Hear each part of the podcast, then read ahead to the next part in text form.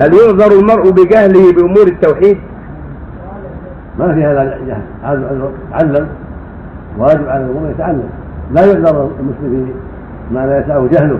لا بد يتعلم دينه ما هو الإسلام؟ ما هو معنى لا إله إلا الله؟ ما هو معنى محمد رسول الله؟ يتعلم الصلاة الواجبه عليه الزكاة صوم رمضان ويمنعه يجب عليه الامتناع منه. يتعلم الحج إذا أراد الحج. يعني لا بد أن يتوقف في دينه حتى يؤدي الواجب على بصيرة. لا بد من هذا لأن العبادات الواجبة لا سبيل إلى أدائها كما شرع الله إلا بالعلم إلا بالتفقه في الدين. والنبي يقول عليه الصلاة والسلام من يريد الله به خيرا يفقهه في الدين. فالواجب على كل مسلم وكل مسلمة أن يتفقه في الدين.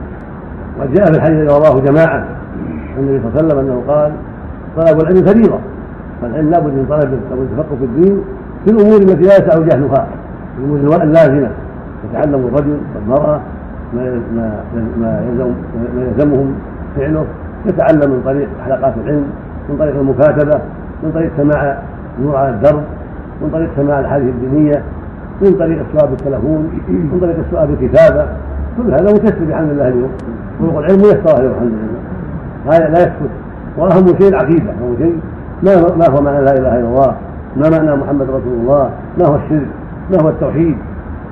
يتعلم حقيقه دينه الذي هو الإسلام الذي هو الانقياد لله بالتوحيد والبراءة من الشرك وأهله والاستقامة على ترك المحرمات وعلى أداء الواجبات والوقوف عند الحدود التي حدها الله سبحانه وتعالى.